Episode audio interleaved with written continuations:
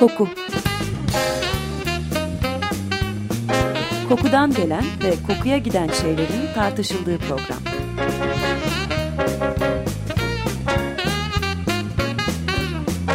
Hazırlayan ve sunan Vedat Ozan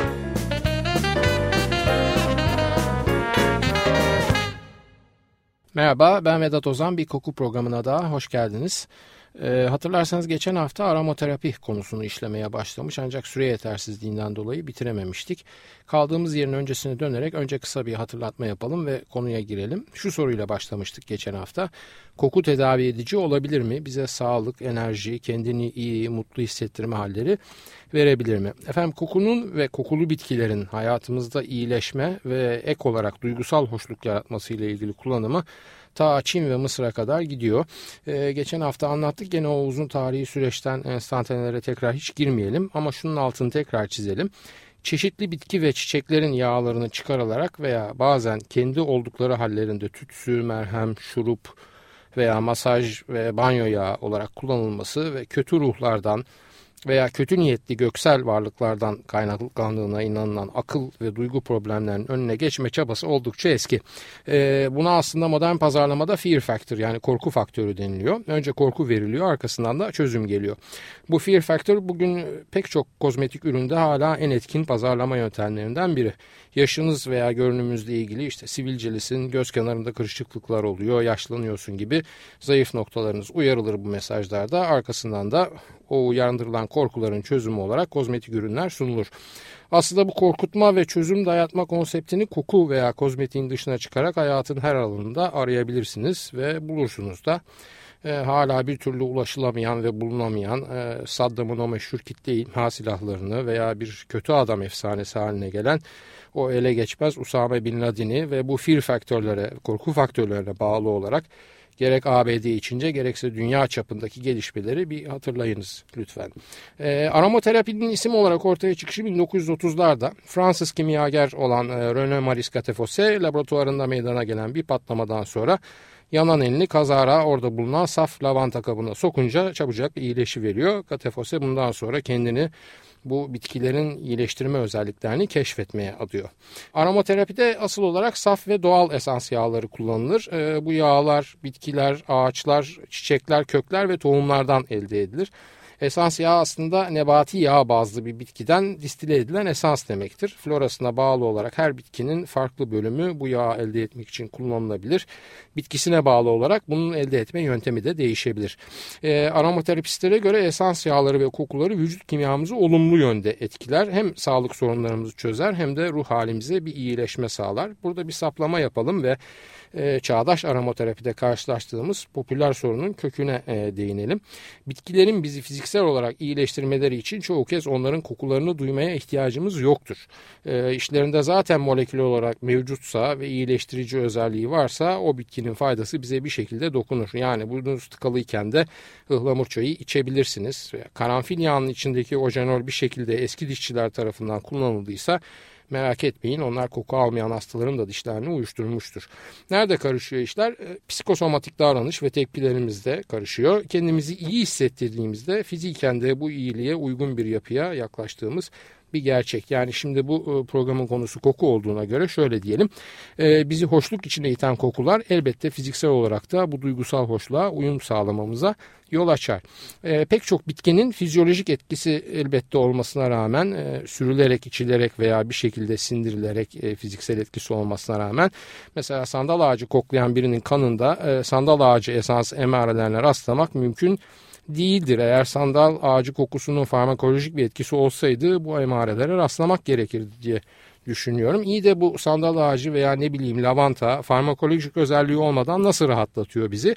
Cevap psikolojilerimizde yatıyor. Bu kokular bizde öğrenilmiş veya koşullandırıldığımız bir duyguyu tetikliyorlar. Bunun için limbik sistemimizde tepki uyandıracak reseptörlerimizden süzülerek o bademsi minnoş amigdalamızda belleğimizin köşe, güzel köşelerinden enstantaneler yaşattıracak anı kokulara ihtiyacımız var. Bu kokuların doğal olması gerekir mi? Ne alakası var? Neden gereksin? Kaçınız zaten veya kaçımız e, doğal lavanta ile lavandini ayırabilir. E, vanilyalı dondurma yemişsiniz e, seneler önce. Hoş bir arkadaşınız varmış yanında. Çok güzel unutulmaz saatler geçirmişsiniz. Onu bir kez daha duysanız o kokuyu, nefis vanilya kokusunu belki de yıllar sonra o, o zamanda geçirdiğiniz güzel saatler aklınıza gelecek. Ee, iyi de 10 sene önce yediğiniz dondurmadaki vanilyanın doğal olduğunu kim biliyor? 1870'lerden beri sentetik vanilin var. Hatta 1930'lardan itibaren abarıp yaygınlaşmış da diyebiliriz. Ee, neden üretildi biliyor musunuz? Bayılarak yediğiniz o dondurmalardaki, keklerdeki kokusunu duyduğunuz nefis vanilya kağıttan kağıt hamurundan hatta kağıt hamuru artığından çünkü kağıt fabrikalarının bir yan ürünüydü. E, sonraları petrokimya ürünü oldu hatta şimdi gene doğal bir malzeme olan pirinçten üretilip satılmaya başlandı ama tabii o da fiyatta zorlanıyor petrokimyasal oranı karşısında. Çünkü petrokimya ürünü olan sentetik vanilinin kilosu sadece 15 dolar pirinçten üretilenin kilosu 700 dolar civarında. E, o 15 dolarlık e, sentetik petrokimya vanilyasının bir avucunu da alsak bu stüdyoyu değil bu binayı olduğu gibi bir ay pastane gibi kokutmaya yeter o kadar da dominan bir kokudur. E, konumuz vanilya değil biz esas konumuza dönelim. E, demek ki iki şeyi birbirinden ayırmamız lazım koku ve bitki. E, tıp ciddi bir konu sadece plasebo olarak ki koku kültürü de en öznel kültürlerimizden biri olduğu için e, plasebo parametreleri de oldukça değişkendir e, plasebolara ve ruh halimizin fizyolojimize yaptığı olumlu yansımayı baz alarak her kokulu şeyi tedavi edici olarak kabullenemeyiz. E, bugün aromaterapi dediğimizde yani bugünkü popüler kültür ve pazar koşullarında daha çok anlaşılan tarihte yer alan pratik değil.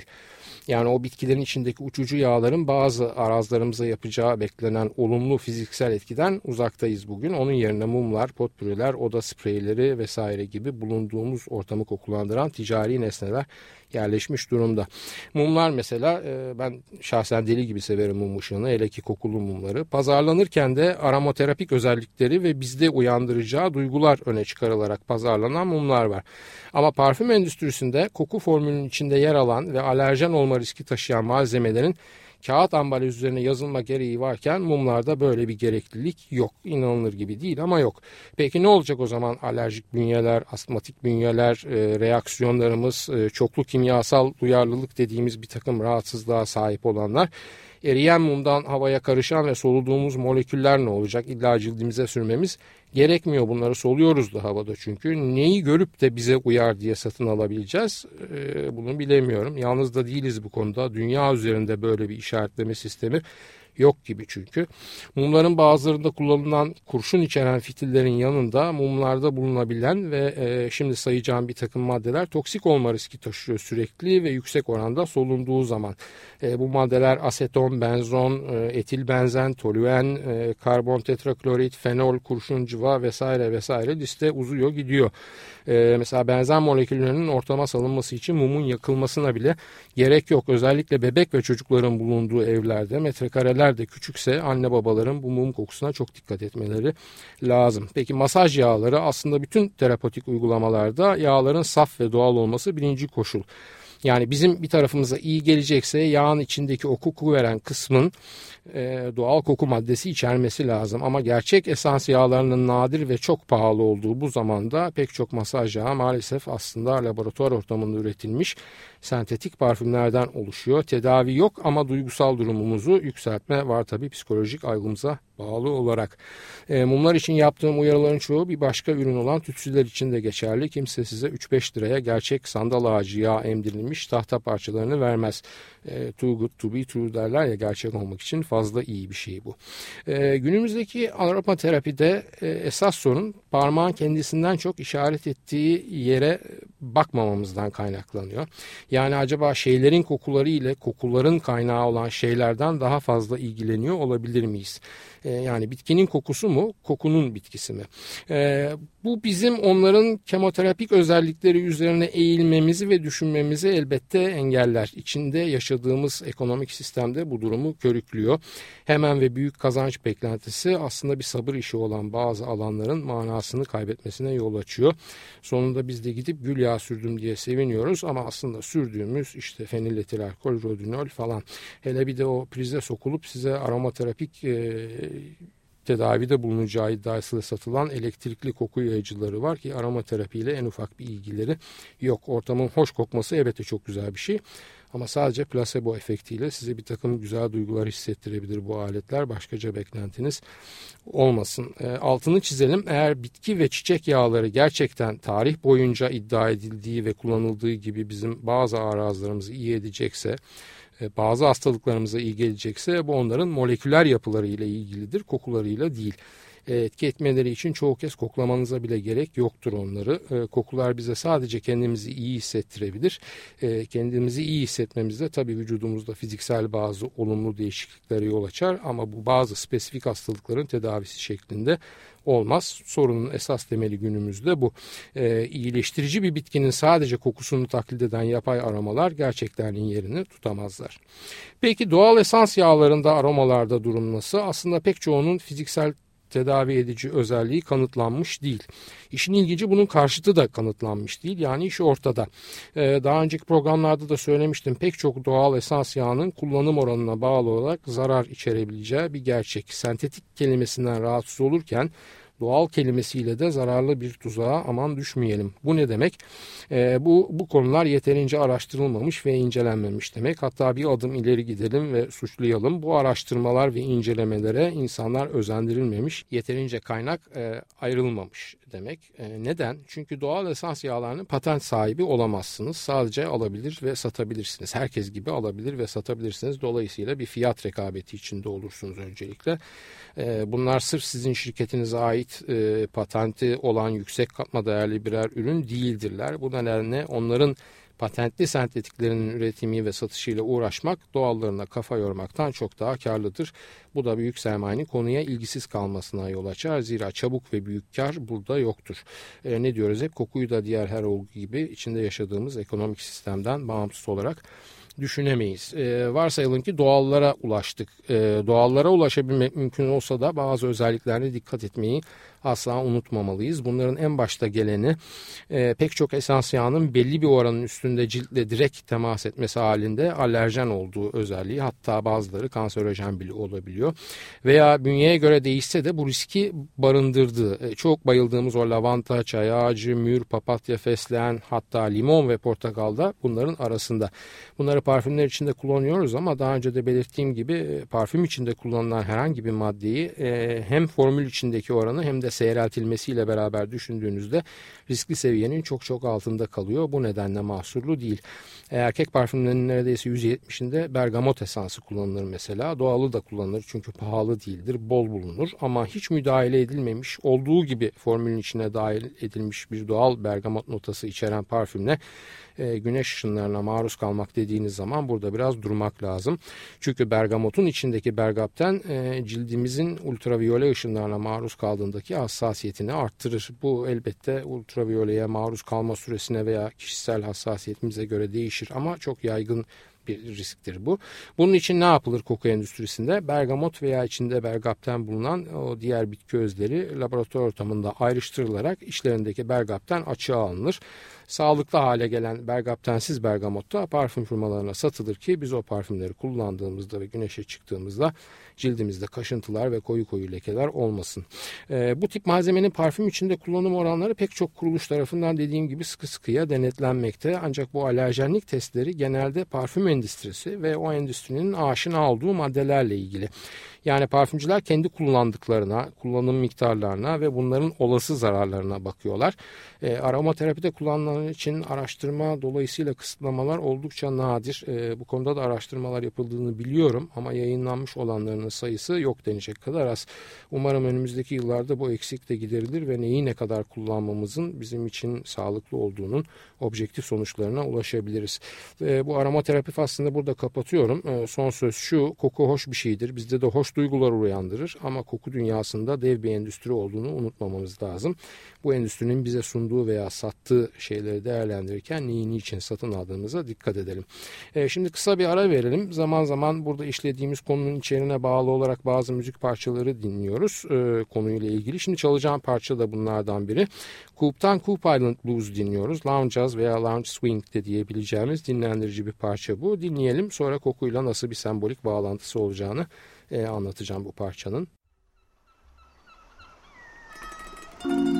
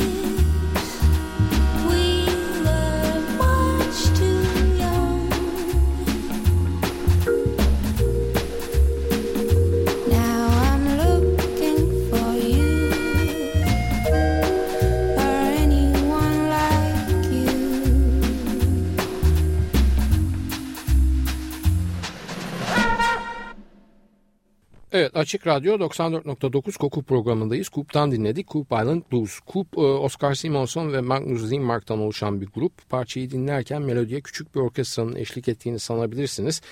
Ama vokal ve temel enstrümanlar dışındakiler aslında örneklemeler. Yani e, sampling denilen şey binlerce başka parçadan alınmış ses örnekleri taranmış bir araya getirilerek parçanın altyapısına yerleştirilmiş. E, davullar, yaylılar, üflemelerin bir kısmı vesaire kup parçalarının tamamına yakını böyle üretilmiş.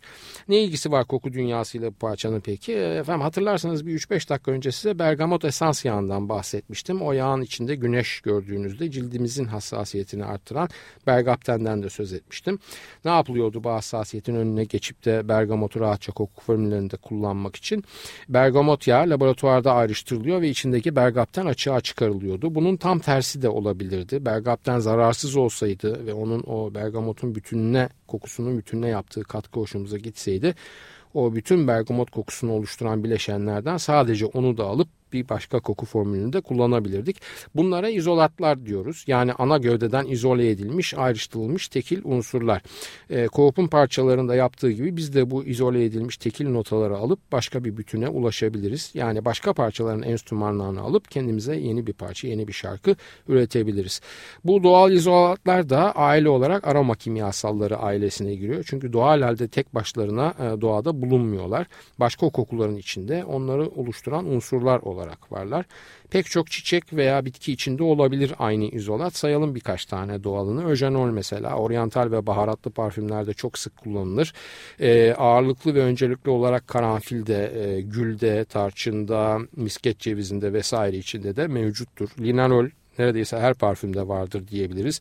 Gül ağacında, defnede, gülün kendisinde, lavanta, portakal vesaire içinde bulunur veya sitral ekşi limon kokusu vermek için kullanılır. Neredeyse bütün limonsu narenciyelerde mevcuttur. E, portakaldan tutun litreye, kubebeye kadar gidebilirsiniz. Tersten gidelim bir çiçeği alalım ve içindeki izolatları sıralayalım. Gül olacak tabii ki örneğimiz. Biz de bir e, gül ülkesi olduğumuz için.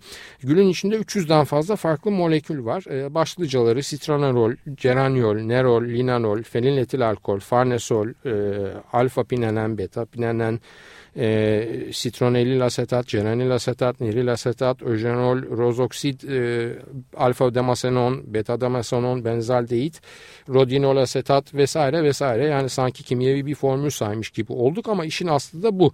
E, gülü gül kokturan bütün bu moleküllerin bir araya gelmesi. Her çiçek, bitki veya ağaç kokusu aslında kendi içinde pek çok kesişen molekülden meydana gelmiş birer formül. E, günün içinde saydıklarımdan bazılarının oranı çok düşük ama bu düşük oran onların koku kuvvetleriyle ilgili değil. Bazılarını oran olarak yüzde birin altında kalmalarına rağmen kokunun esas havasını e, verebiliyorlar. Yani izolatların veya doğal bir kokuyu oluşturan bağımsız moleküllerin miktarlarıyla kuvvetleri eş oranlı değil. Kesin rakamsal değerleri yok ama yakın değerleri var bu koku kuvvetlerinin. E, bunun ölçütü de bir molekülün, koku molekülünün kokusu alınabilen en düşük miktarının e, baz alınması. E, diyelim ki X molekülünün 1 gramı bize o kokuyu verirken Y molekülünde aynı kokuyu almamız için 5 gram koklamamız gerekiyor. Bu da demek ki X molekülü Y'den 5 kat kuvvetli bir kokuya sahip. Birçok izolatın ismine e, satın aldığımız parfümün karton kutusunun arkasında o diğer aroma kimyasallarının bazılarının ismiyle beraber rastlayabiliriz. Eğer alerjen olma riski taşıyorlarsa. isimlerinin çok kimyasal olması bizi aldatmasın. Tekrar ediyorum bunlar zaten pek çok bitki ve çiçeğin içinde zaten mevcut aromalar koku üreticilerinin yaptığı aynı az önce dinlediğimiz Coop grubunun yaptığı gibi bunları en ekonomik olarak nereden ayrıştırabiliyorlarsa ayrıştırmak ve başka bir farklı koku oluşturmak için bir araya getirmekten ibaret. Zaten Coop'u da bu örnekleri verebilmek için dinledik. Ee, peki parfüm kutusunun arkasındaki o madde isimleri neye göre sıralanır da yazılır? Miktara göre elbette. Yani 1, 2, 3 numara sıralara baktığımız zaman en çok miktardan azalan miktarlara doğru giderler. Ee, onun için o küçük yazılara baktığımızda ilk sırada alkol alkol veya alkol denat görürüz. Daha sonra su veya parfüm, parfüm yerine bazen fragrance kelimesi de kullanılıyor. Arkadan da bir ton kimyasal isim bunları takip eder. Sudan kasıt kokusuz sudur. E, parfümden kasıt da o üzerine aylarca emek verilmiş olan koku formülünün konsantresidir. E, yalnız parfümlerde değil duş jelleri, şampuanlar vesaire gibi pek çok üründe de buna uygun sıralamalar vardır etiketlerde. E, son bölümler çok ders havasına girdi galiba. Biraz sıyrılalım bu havadan ve hafifleyelim. E, David McConnell bir kitapçı 1858 doğumlu bir genç. Bir zamanlar çok yaygın olan kapıdan kapıya satış yapan kitapçılardan Shakespeare'in kitaplarını satıyor genellikle ve kendi de bir Shakespeare hayranı. Gel zaman git zaman bu genç delikanlı kitap satışlarının düştüğünü fark ediyor ve bir şekilde arttırmak istiyor. Ne veririm kitabın yanında da bu ev ziyaretlerinde bir nebze satışlarım artar diye düşünüyor. Eczacı bir arkadaşının yardımıyla bir takım kokulu yağları bir araya getirip basit bir parfüm yapıyor ve küçük şişelere koyuyor. Evlerin kapısını çaldığında da diyor ki her satın aldığınız kitaba e, bir tane parfüm hediye edeceğim. O işler düzelmeye başlıyor hemen ama ilginç bir gelişme oluyor. McConnell özellikle e, hanım müşterilerinin e, promosyon olarak verdiği kokulara Shakespeare'in kitaplarından daha çok ilgi göstermeye başladıklarını fark ediyor. Para paradır tabii. Başka bir şirket kuruyor. Bu kez koku pazarlamak için. Şirketin ismi California Parfüm Şirketi. Kuruluş yılı da 1886. Tabii bu kez kitabın yerine kapı kapı dolaşıp yaptığı parfümlerin satışı alıyor. İşler büyüyünce şirketin ismi de değişiyor. California Parfüm Şirketi'nin isminin yerine e, o ilk başlarda kitapları satılmaya çalışılan Shakespeare'in e, doğum yeri olan Stratford upon Avon'dan ilhamla Avon Products alıyor.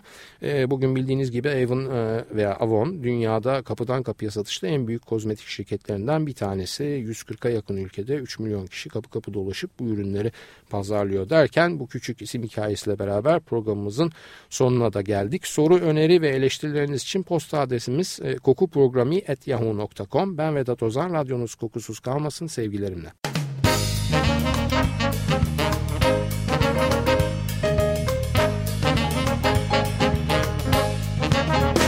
Koku Kokudan gelen ve kokuya giden şeylerin tartışıldığı program.